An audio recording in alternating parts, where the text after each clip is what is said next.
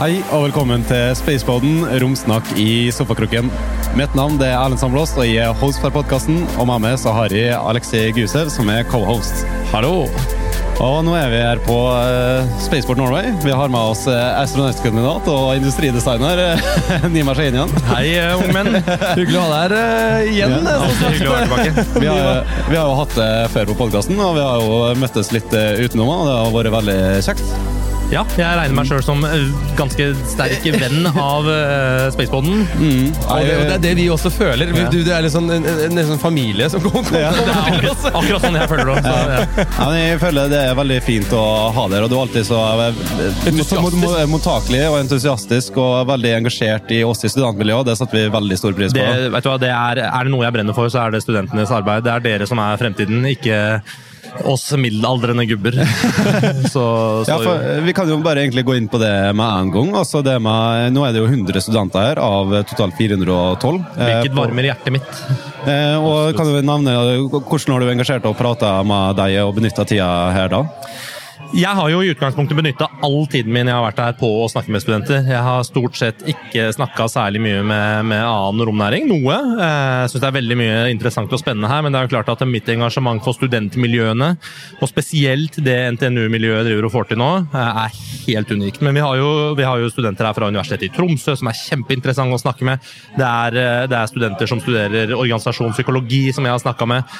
Og det er, det er, jo hjertesak, sant? Altså, studenter er fremtiden vår. Vi må huske at det, i andre nasjoner og i andre kulturer så er studenter den folkegruppen som velter og bygger opp nye regjeringer. Studenter det er de som driver liksom mye av De er driverne av samfunnet.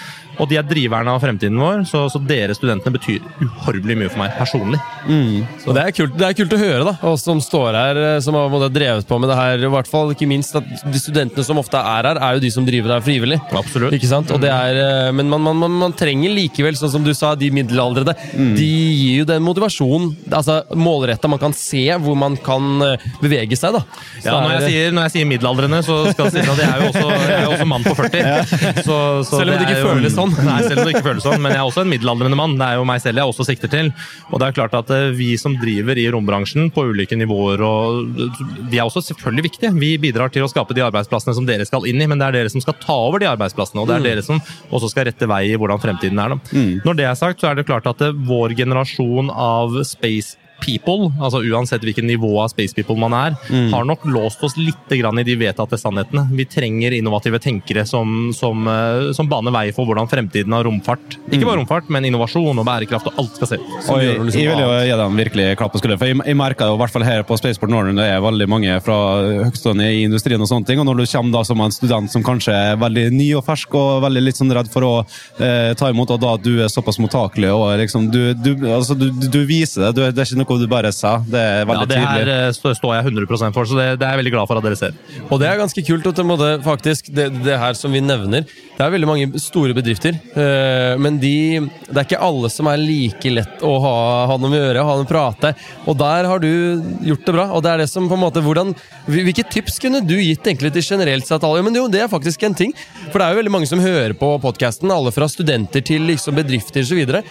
Hvordan, på en måte, hva, hva, ville du sagt er det viktigste på en måte, i den derre uh, si, conversation mellom studenter og bedrifter? Ja, altså, For det første så, så vil jeg begynne med å gi et tips til studenter. Uh, ja, ja, altså, flere studenter bør være såpass foroverlente som de studentene jeg møter her, dere inkludert. Mm. Uh, NTNU-studenter spesielt foroverlente, og jeg ser jo igjen andre universiteter som jeg også nevner. Eh, det er jo tips nummer én. Det andre tipset går jo til den andre siden av gjerdet, som er da næringslivet og industrien. Næringslivet og industrien er de som skal De har et ansvar. De har et ansvar utenom bare å tjene penger og øke revenuen i sine selskaper, men de har også et ansvar å rekruttere sånne som dere. Støtte sånne som dere. Og med sånne som dere så mener jeg den nye unge generasjonen. Både de som er studenter og tidlige alumner. Mitt største tips er se litt tilbake på da dere selv var unge. Nå snakker jeg til mennesker i min egen generasjon. Mm. La oss se tilbake på når vi var unge. Når vi skulle kontakte folk. Når vi hadde store ideer. Når vi hadde bold tanker. Noen ganger så kan vi som eh, når en viss middelaldrende alder, glemme hvordan det var å være ung. Glemme hva det betyr å være innovativ. Og det her høres veldig klisjé ut, men det er en, en enorm sannhet i dette her. Og så, så Mitt store tips er stopp et hakk. Tenk dere litt om. Hvordan var det, og hvor viktig er det egentlig? Men vi ser også over hele verden i dag da, Unge baner vei mange steder. Vi hadde Greta Thunberg for noen år siden. Hun holder fortsatt på. Igjen godt voksne mennesker som hata Greta Thunberg ikke sant? og ble troll på henne. Hvorfor det? Og Det samme ser vi f.eks. i Iran nå. Det er unge mennesker som driver og bekjemper eh, det regimet som er der nå. Unge jenter på 15-16-17 år som er ute i gatene og demonstrerer, og kanskje klarer å skape en revolusjon. Mm. Dette viser litt av hvor på alvor man må ta de unge. De unge er ikke bare ungdomspolitikk og fjas. Ja, det er jo... Men her er det gode ord. Absolutt, her er det godt, gode ord. Det er interessant og, veldig interessant å høre. Og det handler jo, For å skifte tema, det er jo veldig eh, Det er to be bolder, for å si ja, det mildt. To bolder, da. Det er jo en del av det. Nå er det jo her det som er temaet, eh, og det er en veldig dyster sak, det som foregår i Iran nå, så vi skal ikke gå i dybden i det. Nå er men det illustrerer jo unges viktighet. Da. Mm. Absolutt, absolutt. Men jeg tenker, for nå er vi her på Spaceport. Temaet er to be bolder. Ja. Eh, Eh, og du har jo eh, holdt på med mange prosjekter. Vært litt og måtte gått gjennom noen eh, hinder for å komme dit du er, og du opplever jo fortsatt hinder du må gjennom. Kan jo snakke litt rundt det? Ja, altså, jeg tror alle mennesker kan lære seg å, å fjules litt av hinder. Det er jo ofte hinder som skaper, skaper innovasjon. ikke sant? Altså, hvis du ser det er ingenting positivt man kan si om krig. Nei, det kommer faktisk ikke. mye innovasjon ut av krig også.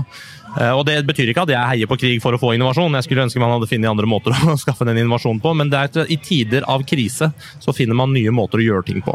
Så for meg så handler hinder om å alltid klare å stoppe opp og spørre hvordan kan jeg komme meg rundt det hinderet. Det er én ting. En annen ting er den menneskelige, det psykologiske aspektet. Den psykologien vi alle bør ha, eh, det være seg unge eller eldre. Og det handler om hvordan vi håndterer feedback, motgang, men også medvind. Vi har en tendens til å slappe litt av, senke skuldrene og bli litt late når vi får medvind. Vi har en tendens til å gå litt i kjelleren når vi får motvind. Vi må aldri gjøre noen av delene. Vi må stoppe opp, vi må evaluere. Hva gjorde jeg riktig? Hva gjorde jeg galt? Og det lærer vi av det. Så, så sånn håndterer jeg personlig eh, motgang, og jeg syns motgang er ordentlig deilig. Mm. Jeg merker, altså sånn, jeg har jo på en måte følt at jeg har gjort det her før, men jeg har ikke tenkt over det på den måten du sier det på. Nei. Og det er faktisk et veldig godt poeng. Da, at, eh, at, man faktisk kan, kan tenke, eller stoppe og tenke på det. Alt handler om det. Ja, ja, ja, ja. Nei, jeg tror det... nok at Når du kan se på f.eks. astronautkandidat, da, og så tenker jeg liksom, han har eh, oppnådd det, og da at du kan høre liksom at ja, det, du, du er ikke en rett vei dit. Eh, og det er fortsatt ikke sånn at det er ikke sånn at nå er det å slappe av. Det er jo fortsatt jobb når du er der òg. Jobben er ikke gjort før den er gjort. Mm. Nei, nei, nei, nei absolutt. Men eh, det som du på en måte skal både presentere, for du har ikke presentert her ennå så nå, nå en liten preview. Ja, en liten preview, men den podkasten er kommet ut etterpå, ikke sant? så de får jo ikke vite. Men hva, hva er det du skal på, hva er presentasjonen din her? Hva er det du skal på en måte gi til eh, de som sitter i salen? Ja, altså For en to-tre-fire uker siden så fikk vi jo den dystre nyheten om at uh, myndighetene, regjeringen, kutter norsk romstøtte med 70 det er det nye statsbudsjettet. Absolutt, ja. Og det er en ordentlig kalddusj for Norsk Romsenter og resten av rombransjen. Det er ikke bra. Det betyr kanskje at man ikke har klart å vise at den investeringen man har gjort, er en god investering. Hvilket betyr at vi må begynne å snu den. Vi må begynne å gjøre romøkonomi i Norge til en god investering, sånn at regjeringen øker statsbudsjettene som, eh, som ja, rett, og slett en investering. Det er punkt én.